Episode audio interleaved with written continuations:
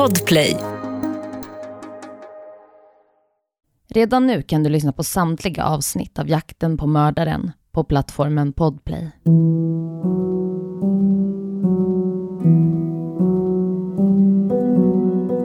Sommar 2004. Terry ska tillsammans med några vänner campa. Vännerna och Terry tar med sig sina tillhörigheter och går in i den djupa skogen. Tältet packas upp och de är nu redo inför natten.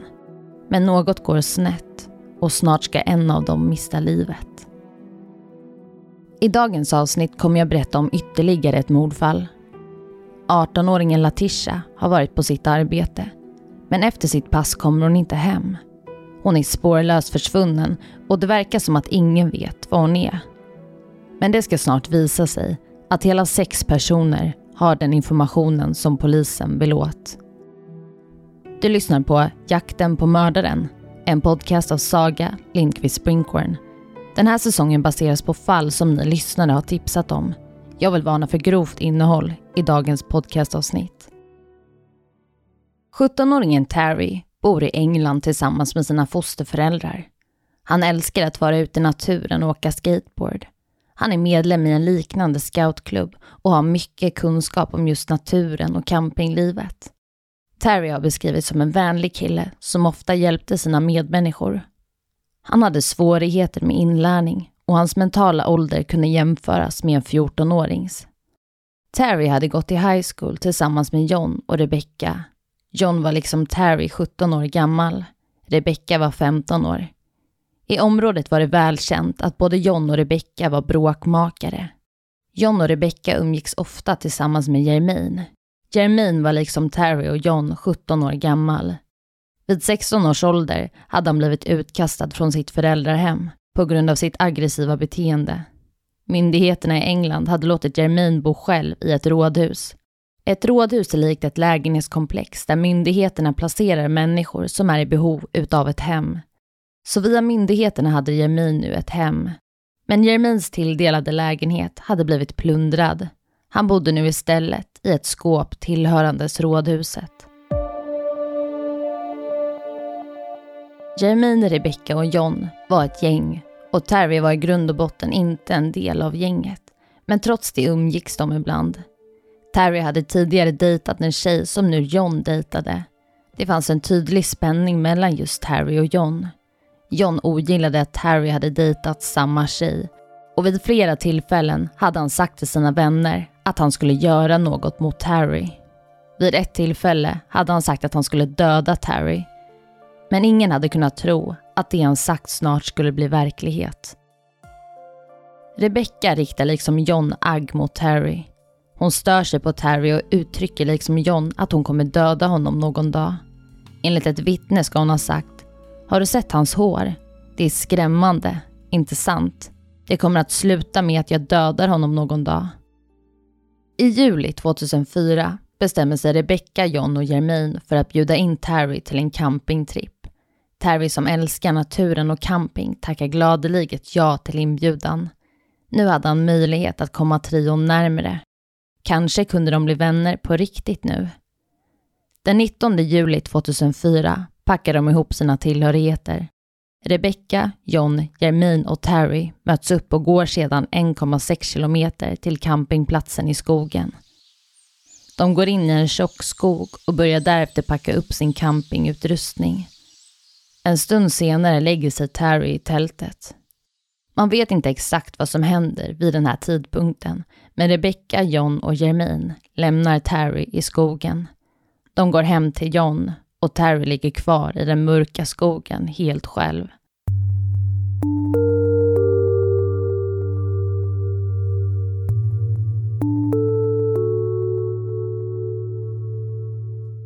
Rebecca, John och Jermaine är nu hemma hos John. De dricker alkohol. I ett berusat tillstånd bestämmer de sig nu för att gå tillbaka till campingplatsen. De tar en genväg och går in på en kyrkogård. Väl på kyrkogården ser de två lidar hängandes i ett förråd tillhörande kyrkan. En lie är ett vasst jordbruksredskap som används för att ta ner bland annat högt gräs. Trion slår med sig två lidar och fortsätter mot campingplatsen. De går in i den mörka skogen. Terry ligger i tältet och sover. Men snart vaknar han av att trion drar ut honom ur tältet. Rebecca tar kommandot. Trion börjar nu hoppa på Terry. De sparkar på honom och slår honom med liarna. Blod sipprar ut från skärsår på Terrys kropp. Han försöker resa sig. Han måste därifrån och det är nu. Han lyckas ta sig upp. Med flera allvarliga skador flyr han nu och springer över ett fält i skogsområdet. Men trion är honom hack i häl och snart attackerar de honom på nytt. Terry faller ner mot marken där han slutligen förlorar medvetandet.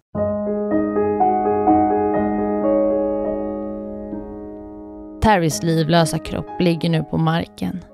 Trion trär på en plastpåse över hans huvud. De stampar sedan Terry ett flertal gånger på just huvudet för att sedan lämna platsen. Dagen efter hittar en bonde den avlidna och blodiga Terry i skogsområdet. Terry har då en plastpåse över sitt huvud. Han har varit död under flera timmars tid och hans liv går därför inte att rädda. Den tekniska bevisningen har kommit fram till att Terry dog långsamt. Han hade fått lida under en längre tid innan han slutligen dog. Hans kropp vittnade om ett fruktansvärt dåd. Han hade över 60 skador på kroppen, en bruten käke och flera lossade tänder. Det tar inte lång tid för polisen att binda fallet till de tre ungdomarna, Rebecca, John och Jermaine. Bevisen är många. I rättssalen står de nu åtalade för mordet på Terry. När domaren beskriver våldshandlingarna som de tre ungdomarna är misstänkta för är det ingen av dem som visar några känslor eller tecken på ånger. Domaren säger, citat, Ni hade uppsåt att döda. Det var ett fruktansvärt brott. Ingen av er visade någon som helst nåd. Det framkommer under rättegången att John lider av en emotionell störning. Han kunde ibland tappa humöret och börja agera våldsamt och från 13 års ålder hade han varit mobbad. För tiden innan mordet hade Rebeckas beteende förändrats. Hon hade blivit mer aggressiv i samband med att hon också drack alkohol. Hennes föräldrar hade sett en tydlig förändring i sin dotters beteende för tiden innan. Ja, vi stannar upp där. Det är uppenbart att John, Rebecca och Jermaine har problematiska bakgrunder. John lider ju av en emotionell störning och det påverkar hans psykiska hälsa och eh, minskar hans funktionsförmåga. Och Rebecca har ett normaliserat alkoholmissbruk vid 15 års ålder och Jermaine har inget hem eller familj. Men trots deras problematiska bakgrunder så har de begått ett fruktansvärt dåd. Och något som domaren reagerar kraftigt på när det kommer till det här fallet är att det inte finns något tydligt motiv bakom händelsen. Visserligen hade John och Terry dejtat samma tjej, men detta ansågs vara ett vagt motiv i kontrast till dådet som utförts. De tre ungdomarna döms slutligen för mordet på Terry. Rebecca får ett mildare straff då hon vid tiden för mordet varit endast 15 år hon döms till 13 års fängelse. John döms till ett minimum av 15 år i fängelset och Jermaine får 13 års fängelse. Och när domen faller säger Terrys fostermamma följande. Jag skulle vilja säga att jag är så lättad för att rättvisan fallit på plats. Under de senaste åtta månaderna har det här fruktansvärda mordet varit med oss genom dag och natt. Det kommer att ta lång tid för allt det här att sjunka in om någonsin. Vi ska nu försöka få tillbaka lite normalitet i våra liv och minnas de roliga stunder som vi delat med Terry. Ja, det här var den fruktansvärda berättelsen om Terry Hurst och hans öde.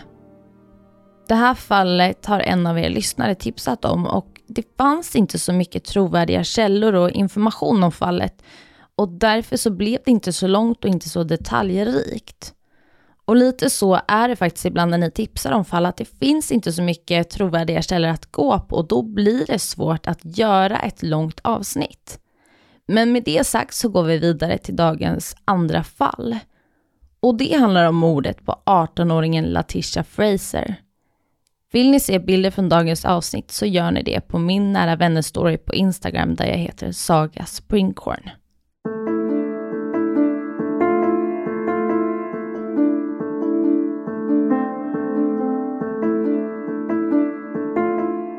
–2010. Latisha är 18 år gammal. Hon bor i USA, Washington. Under sin uppväxt hade familjen brottats med ekonomiska svårigheter. De hade haft det extremt fattigt under vissa perioder, men kärleken familjen emellan var enorm. Latisha var under uppväxten ofta vid sin pappas sida. De hittade på saker tillsammans och arbetade i trädgården till och från. Hon beskrevs vara en pojkflicka. Hon var duktig på flera olika bollsporter och hon älskade fotboll. År 2010 har Latisha precis fått ett jobb på McDonalds. Hon är förväntansfull och ser positivt på framtiden. Nu har hon äntligen en inkomst. Hon kan försörja sig själv och sin treåriga dotter. Latisha ville i framtiden arbeta som kock på en restaurang. Det var ett mål som hon strävade efter. Hennes pappa var enormt stolt över henne. Han stöttade alla hennes steg på vägen. Den 2 augusti 2010 arbetar Latisha på McDonalds. Men sen händer det något. Latisha kommer aldrig hem den där kvällen. Familjen ringer och smsar henne, men inget svar. De förstår direkt att något är fel. Familjen ringer runt till Latishas vänner. Man knackar dörr i området, letar efter henne, men inga spår. En stund senare kontaktar familjen polisen som börjar utreda händelsen. Vid sidan av polisens arbete fortsätter familjen febrilt att leta efter deras Latisha. Polisutredningen blir segdragen. Det finns inget att gå på, inga ledtrådar och inga motiv. Utredningen får pausas och polisens teori är nu att Latisha rymt. Latishas familj och vänner tror inte alls på polisens teori. Latisha hade en dotter som hon värnade om och älskade mer än något annat. Hon hade aldrig lämnat det liv hon hade utan sin dotter. Familjen vill att Latishas försvinnande ska bli så offentligt som det bara går. Alla ska se att deras Latisha är försvunnen. De sätter upp flyers i området och kontaktar media. Några dagar har passerat. En månad, tre månader och slutligen fem hela månader utan någon som helst framgång. Men en dag får Latishas syster ett anonymt meddelande på Facebook. Det står följande. Din syster är död. Jag har ögonen på dig. Ännu en person ska dö. Kroppsdelar i Rock Creek. Håll era flyers borta från fucking samhället. Vi tog ner dem. När polisen får information om meddelandet åker de direkt till platsen Rock Creek. Rock Creek är en flod som strömmar genom Washington. I anslutning till floden finns det en välbesökt park. Polisen letar noggrant vid området, men finner inte Latisha. Kanske var innehållet i meddelandet på Facebook bara struntprat. Latishas mamma tar under den här tiden hand om Latishas dotter, Diamond. På förskolan har man märkt att hennes beteende förändrats. Några veckor efter hennes mammas försvinnande hade hon blivit arg och upprörd om hon inte fått som hon velat. Det var uppenbart att hennes förändrade beteende grundade sig i sin mammas försvinnande. Diamond och Latisha hade varit som ett. Latisha hade varit en bra mamma till sin dotter. Plötsligt en dag hör någon av sig anonymt till polisen. Personen nämner sex personer som kan vara inblandade i Latishas försvinnande tre unga kvinnor och tre män runt samma ålder som Latisha. Polisens teori förändras nu. Man tror att Latisha faktiskt blivit mördad. Latisha var vän med några personer som brukade hänga i ett större gäng. Alla i gänget kände inte Latisha, de var bara bekanta.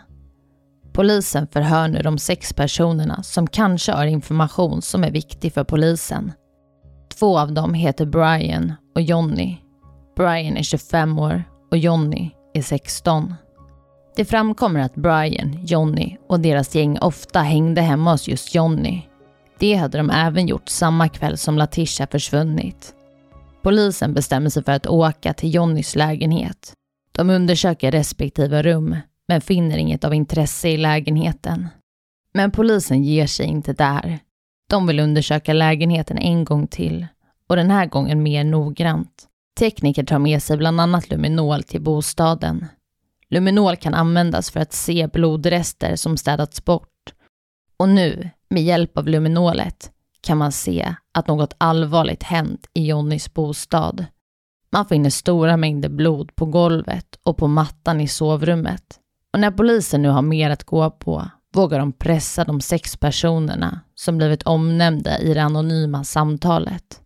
Och ganska snart brister det för de flesta av de misstänkta. Sanningen kommer fram.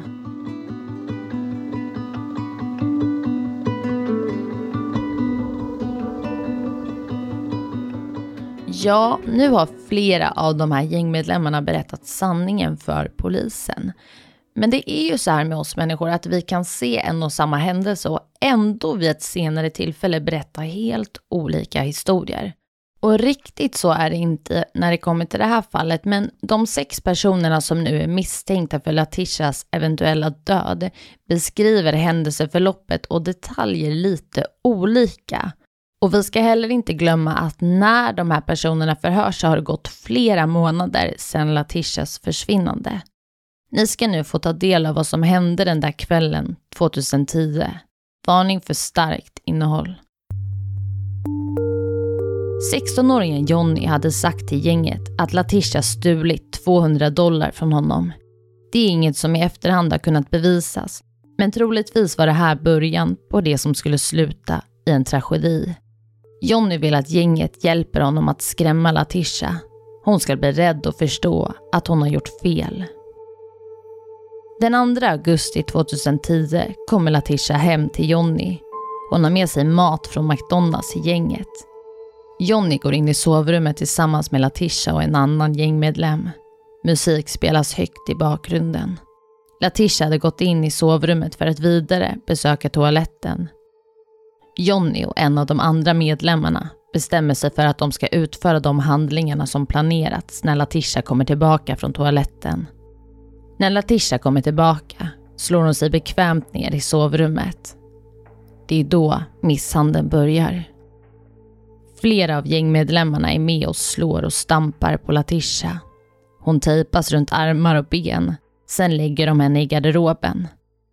Man lägger sedan ett lakan över hennes huvud och tejpar sedan ett lakan runt hennes hals för att förhindra att hon ska skrika. Jonny tar ett strypgrepp med armen runt Latishas hals och flera vittnesmål från gänget berättar att Latisha levde efter stryptaget. Jonny lämnar nu lägenheten men återvänder snart. När han återvänder berättar gänget för honom att Latisha avlidit. De börjar diskutera och hitta lösningar på vad de ska göra med Latishas kropp. De måste gömma den. Men hur? Några går iväg för att köpa mat. Två dagar går och kroppen är fortfarande i Jonnys lägenhet. Men nu får Jonny hjälp med att slänga Latishas kropp i soptunnan vid hans lägenhet. Men snart ångrar de sig. Dagen därpå tar de upp Latishas kropp från soptunnan och lägger henne återigen i garderoben.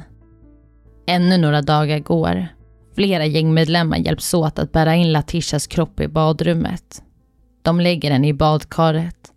En gängmedlem hämtar en kniv från köket och tillsammans försöker de stycka Latishas kropp.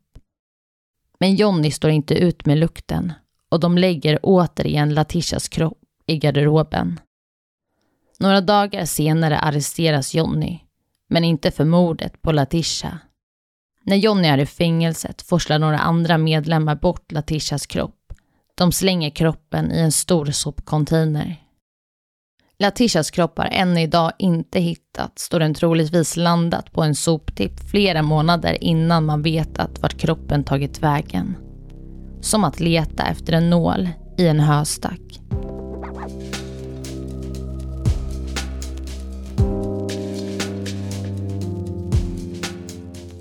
Och nu har det blivit dags för rättegång och det är ju flera personer som på ett eller annat sätt varit delaktiga i mordet på Latisha. Brian, En av medlemmarna döms till 32 års fängelse för första gradens mord. Första gradens mord innebär att offret exempelvis våldtagit sina mordet eller torterats. Man kan säga lite simplare att det varit andra brott inkluderade i samband med mordet. Och det är också den grövsta typen av mord som man kan dömas för i USA. Lawrence 24 som också varit delaktig döms till andra gradens mord, vilket kan översättas till dråp. Kort beskrivet så kan man säga att Lawrence inte varit med att planera mordet utan hon har blivit indragen i det där och därför döms hon till dråp. Lawrence får 18 års fängelse. Det är ju flera personer som döms för det här och som har varit delaktiga i mordet och jag tänker att jag inte ska rabbla upp specifikt alla domar men Johnny var ju den som varit mest drivande i det här fallet och han döms i 52 års fängelse. Och det var allt för dagens avsnitt. Det blev ett litet annorlunda avsnitt idag eftersom att jag har tagit upp två fall och de här fallen har inte varit superduper detaljrika i och med att det inte funnits så jättemycket att gå på. Och efter när det kommer till den här säsongen så är det back to basic. Om du uppskattar podden får du väldigt gärna gilla den och skriva en recension. Om du har frågor eller tips på fall så får du gärna skriva till mig på Instagram där jag heter Saga Springcorn eller mejla till jakten på mordaren springcorn.se. I nästa vecka kommer jag att berätta om ett väldigt speciellt fall. En kvinna hittas brutalt mördad i sitt hem och en tid senare inser polisen att den misstänkta gärningsmannen har kopplingar till ett försvinnande i Italien flera år tillbaka i tiden. Och om du inte orkar vänta till nästa vecka så finns avsnittet redan nu publicerat på plattformen Podplay. Tack för att du har lyssnat på dagens avsnitt.